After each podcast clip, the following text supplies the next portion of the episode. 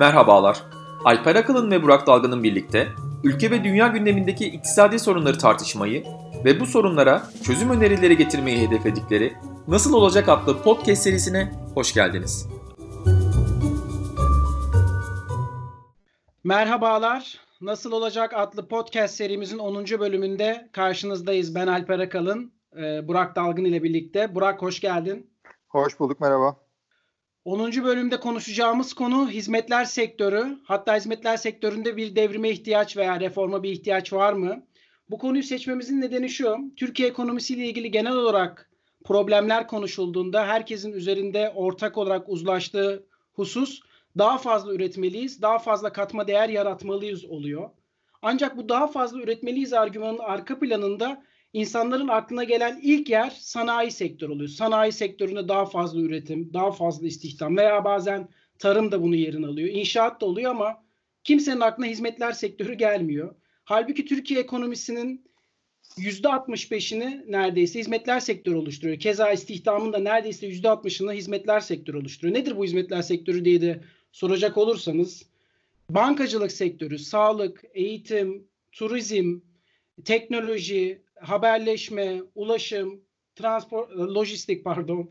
E, tüm bu sektörler aslında hizmetler sektörünü oluşturuyor ve ekonominin de dediğim gibi can damarını oluşturuyor ama kimse bu sektörler hakkında konuşmuyor. Biz biraz bunun üzerine konuşmak istiyoruz. Burada şunu sormak istiyorum. Neden katma değer veya üretim deyince akla ilk sanayi geliyor da daha fazla ekonomide pay alan hizmetler sektörü gelmiyor Burak?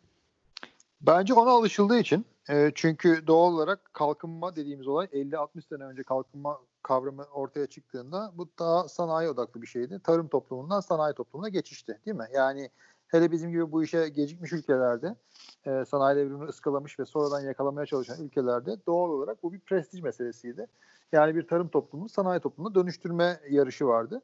E, ve doğal olarak da odak bunun etrafındaydı. Bu da gayet anlaşılabilir bir şey. Birincisi bu.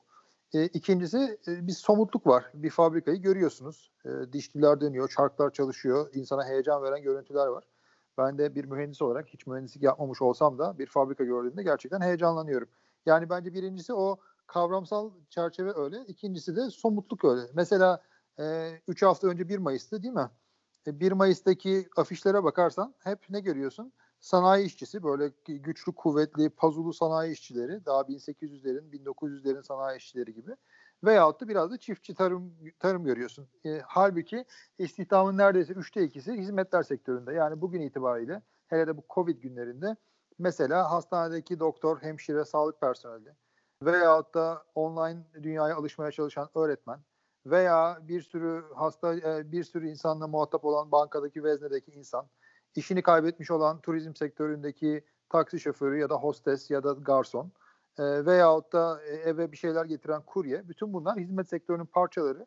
Günlük hayatında parçası ama mesela 1 Mayıs'ta çok az insan bunları andı. Odak genel olarak işte tarlada çalışan, fabrikada çalışan etrafındaydı. Ben bunu bu iki sebep bağlıyorum. Türkiye ekonomisindeki büyüme probleminde geçmiş podcast programlarında da hep toplam faktör verimliliğine ya da Türkiye'deki verimliliğin artık yukarı artmıyor olmasına bağladık. E, hizmetler sektörünün de dediğimiz gibi ekonominin en önemli %60'ını oluşturduğunu göz önünde aldığımızda ben şunu sormak istiyorum. Verimlilik aynı zamanda aslında hizmetler sektörü için de bir problem. Ve soruyu şöyle soracak olursam Türkiye ekonomisinin verimli bir kalkınma yaşayabilmesi için hizmetler sektöründe ne tür bir yaklaşım gerekiyor? Şöyle, e, bence hizmetler sektörü aşırı derecede korunaklı. Şöyle düşünün, kendisini korumak için eve kapanmış, insanlarla görüşmeyen ya da e, işe dışarısıyla pek irtibat kurmayan bir insanı düşünün. E, kendisini koruyor mu? Koruyor ama hayattaki dinamizmi, renkliliği de kaçırıyor. Birazcık Türkiye'nin hizmetler sektörünü ben buna benzetiyorum. Çünkü hakikaten rekabete fevkalade kapalı. Nasıl kapalı? E, çok fazla regülasyon var. E, çok fazla mevcut oyuncuları koruyan bir yapı var. E, ve bunun neticesinde yeni oyunculara veya dinamizme e, geçit vermeyen bir yapı var. E, ne gibi? İşte belli işleri yapmak için o konunun diplomasına sahip olmanız gerekiyor. Belli alanlarda minimum fiyat garantileri var. E, pek çok alanda hükümetten izin veya ruhsat almanız gerekiyor. Bunun neticesinde yeni oyuncular e, giremiyor. Yeni oyunculara siz kapıyı kapatıp kendinizi içeri kilitlediğinizde de işte dediğim gibi o dinamizmi ve renkliliği kaçırıyorsunuz. Bunun neticesinde de e, verimli büyümeyi yakalayamıyorsunuz. Yani bir ekonomi düşünün %60-65 bu haldeyken e, doğal olarak toplam faktör verimliliğini büyütemez. İkinci olarak da hizmetler sektörünün en önemli farkı ticarete konu olmaması. Sanayi ticarete konu. Bu ne demek? Dış ticarete konu. Araba üretiyorsanız e, dış ticarette işte diyelim Brezilya'dan veyahut da Hindistan'dan daha ucuza ya da daha verimli bir şekilde üretmeniz lazım. Hizmetler sektöründe işte sizin berberiniz ya da bankanız ya da doktorunuz 3 e, aşağı 5 yukarı siz gene ondan hizmet almak zorundasınız. Uzaktan o hizmeti alma ihtimaliniz çok daha düşük. O yüzden orada verimliliği arttıran bir rekabet e, doğal olarak yok. Dışarıdan bu gelmiyorsa içeride bu rekabeti yaratmamız lazım. Demin bahsettiğim sebeplerden ötürü yani aşırı regülasyondan ötürü içeride de rekabet olmayınca doğal olarak verimlilik artmıyor. Piyasada rekabeti engelleyen regülasyonlardan, düzenlemelerden bahsettim. Mesela benim aklıma gelenlerden bir tanesi Uber'in Türkiye içerisinde yaşadığı sıkıntılar. E, taksicilik lobisi Uber'i bir şekilde Türkiye'nin e, yaptığı ba- politik baskılar sonucunda Uber'i yurt dışına itecek düzenlemeleri getirdi. Veya Booking.com'da da gördük aynısını. E, mesela turizm sektöründeki ajantalar Booking.com'un Türkiye içerisinde faaliyet göstermesini engelliyorlar. Senin aklına daha somut gelen başka regülasyonlar da var mı? Sen onları açıkladıktan sonra ben bunun biraz da politik dinamini de biraz açmak istiyorum. Ya benim aklıma gelen nispeten aşina olduğum bir alan olduğu için fintech, finansal teknoloji değil mi? Yani bankacılık Türkiye'nin en büyük sektörlerinden bir tanesi. E, fakat pek çok alanda banka dışı bir organizasyonun e, finansal hizmet vermesi neredeyse mümkün değil. Bu kitle fonlaması çıktı. Kitle fonlamasına öyle bir regülasyon yazıldı ki yeni bir oyuncunun onu yapması mümkün değil. Veya dünyanın her yerinde fintechler yani finansal teknoloji şirketleri kredi de veriyor, insanların tasarruflarını da değerlendiriyor, başka pek çok hizmet de verebiliyor. Onların hiçbirini Türkiye'de yapamıyorlar. Sadece ödeme yapıyorlar. Ödemede de çok başarılı fintechler çıktı. Biraz da düzenlemelerle ilgili RegTech denen alanda çıktı. Ee, ama e, ana bankacılık tarafına giremiyorlar. Bu da çok ironik çünkü aslında biz e, sermayeye, finansmana aç bir ülkeyiz değil mi? Bizim kobilerimizin, şirketlerimizin, bireylerimizin gelişmesi için finansmana mümkün olduğu kadar fazla seçenekle ve mümkün olduğu kadar ucuz ve mümkün olduğu kadar bol ulaşması gerekiyor. Halbuki biz bu işi sadece bankalara e, özgü kılarak e, o imkanı, o çeşitliliği de şirketlerimizden esirgiyoruz. Yani meselenin sadece bir rekabet boyutu yok. Aynı zamanda tüketicinin ya da nihai kullanıcının ki burada şirketler bunu e, esas olarak kullanacak olan e, muhataplar onların imkanlarını da kısıtlıyorsunuz. E, bu doğal olarak bir verimsizlik getiriyor. Olayın aslında iki boyutu var. Birincisi e, bu sermaye e, Türkiye sermaye açısından çok zengin bir ülke değil ve bir yandan da getirdiğiniz bu kısıtlar zaten bu tarz işlerin büyümesini engelliyor. İkincisi de tüketici boyutu. Yani tüketici aslında bu işten zarar görüyor. İlk başta bu hizmet sektöründe yani Türkiye için neden hizmet sektörünün gelişmesi konusunda ben şöyle bir katkı yapmak isterim. Türkiye tasarrufu az ve dolayısıyla e, sermaye koyacak finansal kaynakları, kendi iç finansal kaynakları çok yüksek olan bir ülke değil. Halbuki hizmetler sektörü e, geleneksel sanayiye kıyasla da sermaye ihtiyacı daha az olan sektörler. Yani ne derler bunu İngilizcesi asset light yani varlık fakiri ama getirdiği etki çok büyük olan, getirdiği ekonomik değer, getirdiği ekonomik katma değer çok yüksek olan e, hizmetler sektörü. Mesela benim aklıma gelen en iyi örneklerden bir tanesi bu e-perakendenin son yıllarda büyümesi e-ticaretin değil mi? Türkiye'de son 5 yılda %35 büyüyor e-ticaret. Bu Türkiye ekonomik büyümesinin çok çok üstünde bir rakam. Ve mesela burada yapılan işlemlerin büyüklüğüne bakıyorum. İşte Trendyol var mesela 800 milyon dolara kadar %80 e, hissesine yakın ya da işte toplam değeri 1.2 milyar dolara yakın bir internet sitesinin satışından bahsediyor. Sadece bir internet sitesi ve işte belki bir takım lojistik de şeyleri var. Ama mesela benzer bir perakende, geleneksel perakende şirketine bakalım. Migros mesela aklıma geliyor. İsim veriyorum ama sadece karşılaştırma yapmak için. Migros'un bugün piyasa değeri 900 milyon dolar. Yani bir internet sitesi geleneksel anlamda perakendecilik yapan bir şirketten çok daha fazla katma değer sunabiliyor. Bu Türkiye'de düşük sermaye yüksek katma değer yaratabilmenin birçok örneği. Aslında bakacak olursak işte yemek sepetinde olduğu benzer, oyun şirketlerinde vesaire de oldu benzer e, şeyler, işlemler. Bunu şunun için söylüyorum. Türkiye gibi sermayeye ihtiyaç duyulan yerlerde böyle bir büyüme alanı varken bu regülasyonlar aslında Türkiye'nin ekonomik büyümesini olumsuz etkiliyor diye söyleyebiliriz. Bilmiyorum sen katılır mısın bu argümana? Kısmen yani genel olarak katılıyorum. Tabii şirketin değerlemesinin ekonomiye katkıyla birebir bir korelasyonu yok. Çünkü şirketin sahiplerine giden bir şey o. Daha ziyade ekonomi, makroekonomi açısından birazcık daha işin diğer taraflarına bakmak lazım. Ama, ama alan da şey demiyor mudur? Yani sonuçta ben bu parayı veriyorum bu ekonomik değeri ekonomik içerisinde çıkaracağım yapacağım işlemlerle diye indirekt bir aslında gösterge değil midir? Evet evet yani ben sıfır demiyorum ama birebir işte bir şirketin değeri diğerinden daha büyükse o ekonomiye daha çok katma değer sağlıyor demek olmayabilir. E, kastettiğim o. E, fakat ama, yani Ama hizmetler sektörünün ekonomimizde bu sermaye ile olan ilişkisini soracak olursam sana tekrardan. Yani sermaye yani birikimin oluşması lazım. Bence ve ben bir, birkaç tane başka alanda esas daha kıymetli olduğunu düşünüyorum açıkçası. Şöyle yani verimliliği konuştuk. O yüzden onu atlıyorum. Ee, üç tane daha başka alanda bence çok daha direkt Tabii. etkisi var ekonomimize. Ee, doğrudan. Bir tanesi enflasyon. Değil mi? Ve hayat pahalılığı. Şimdi Türkiye e, artık e, başka şeyleri ucuzlat, e, emeği ucuzlatarak rekabet ediyor. Halbuki bizim adaleti, eğitimi ve lojistiği ucuz, ucuzlatmamız lazım. Güvensak Hoca bunu yakınlarda da yazdı çok güzel bir şekilde. Bizim adaleti, eğitimi, lojistiği ucuzlatarak rekabet etmemiz lazım. Öbür türlü emeği ucuzlatmamız gerekiyor. İnsanlar para kazanamıyor. E bunları nasıl ucuzlatacağız? Yeni oyuncuların piyasaya girmesiyle rantı yok ederek ya da rantı azaltarak girişimciliği arttırarak yapmamız lazım. E zaten bahsettiğimiz yeni oyuncular ürün çeşitliliğini, hizmet çeşitliliğini sağladıkça hayat pahalılığına karşı bir darbe vurmuş oluyorlar. Yani birinci Türk ekonomisinin en büyük dertlerinden bir tanesi için bu olumlu değil mi? Aynen. İkincisi, ikinci büyük derdimiz bence bizim istihdam. Şimdi Covid'den sonra bu iyice felaket bir noktaya gitti de her sene bir milyona yakın insan istihdam havuzuna geliyor. Halbuki Türk ekonomisi istihdam yaratamaz halde. Özel sektör 5 senedir istihdam yaratmıyor. Şimdi bu ne demek? İnanılmaz bir işsiz ordusu veyahut da iş gücünden çıkmış küskün insanlar ordusu demek.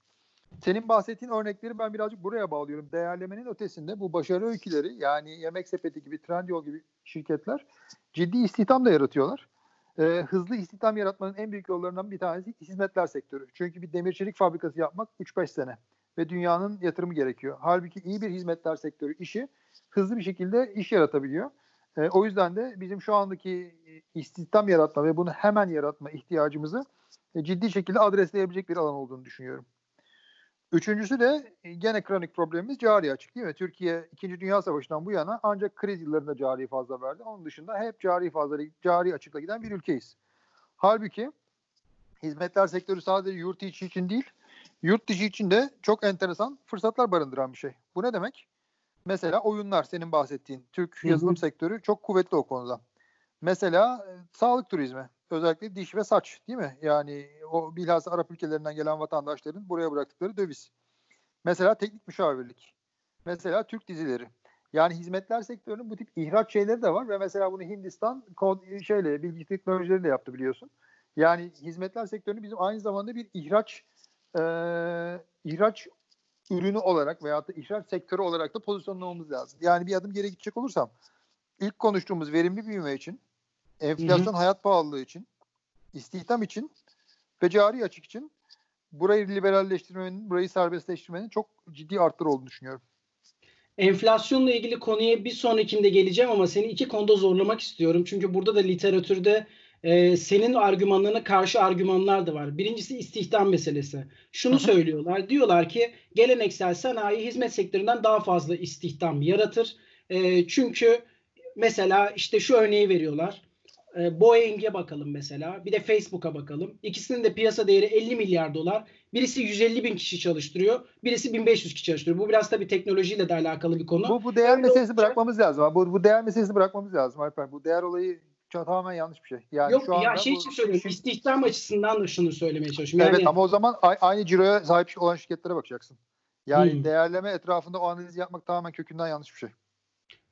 E, şey yani şunu aslında o değerleme şundan dolayı söyledim. Ee, yani şunu insanlarda şöyle bir algı var. Hizmet sektörü istihdam yaratmaz, sanayi sektörü istihdam yaratır. İşte ikisini de işte bir şekilde o değeri ondan ondan söylüyorum. Sen sen bu argümana katılır mısın? Yani sanayi olursa daha fazla istihdam yaratırız. Bu bir gerçek midir? İkincisi de bu ihracatla da alakalı bir şey. Sanayi üretilen bir ürün herkese ihraç edilebilir eğer iyi bir ürün üretiyorsun ama hizmet dediğin şey ki sen biraz açıkladın aslında. Güzel de açıkladın. Sorumun bir kısmını cevapladın ama yine de belki tekrarlamakta fayda görürsün. Çünkü özellikle yeni teknoloji ağırlıklı sektörlerde ihracat olanaklarından da bahsettin ama işte hizmet dediğin şey genelde tüketimle ve içsel tüketimle alakalıdır. Sen sanayi yaparsan tüm dünyaya açılabilirsin. Böylelikle daha hızlı büyüyebilirsin gibi. Sanayiyi hizmete öncelemenin iki temel faktör olarak bu sunuluyor. Senin bunlara karşı vereceğin cevap var mıdır onu merak ediyorum. Valla birincinin argümanın temeli nedir bilmiyorum. Hiç öyle bir şey dönmedi. O zaman yani bir otelle de bir fabrikayı kıyaslayalım.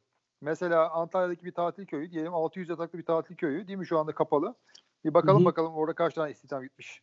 Yani oradaki garson, hostes, taksi şoförü, oraya mal veren, oraya e, otobüs gelen otobüs veyahut da hava yolu. Yani düşünsene onun etrafındaki ekonomiyi.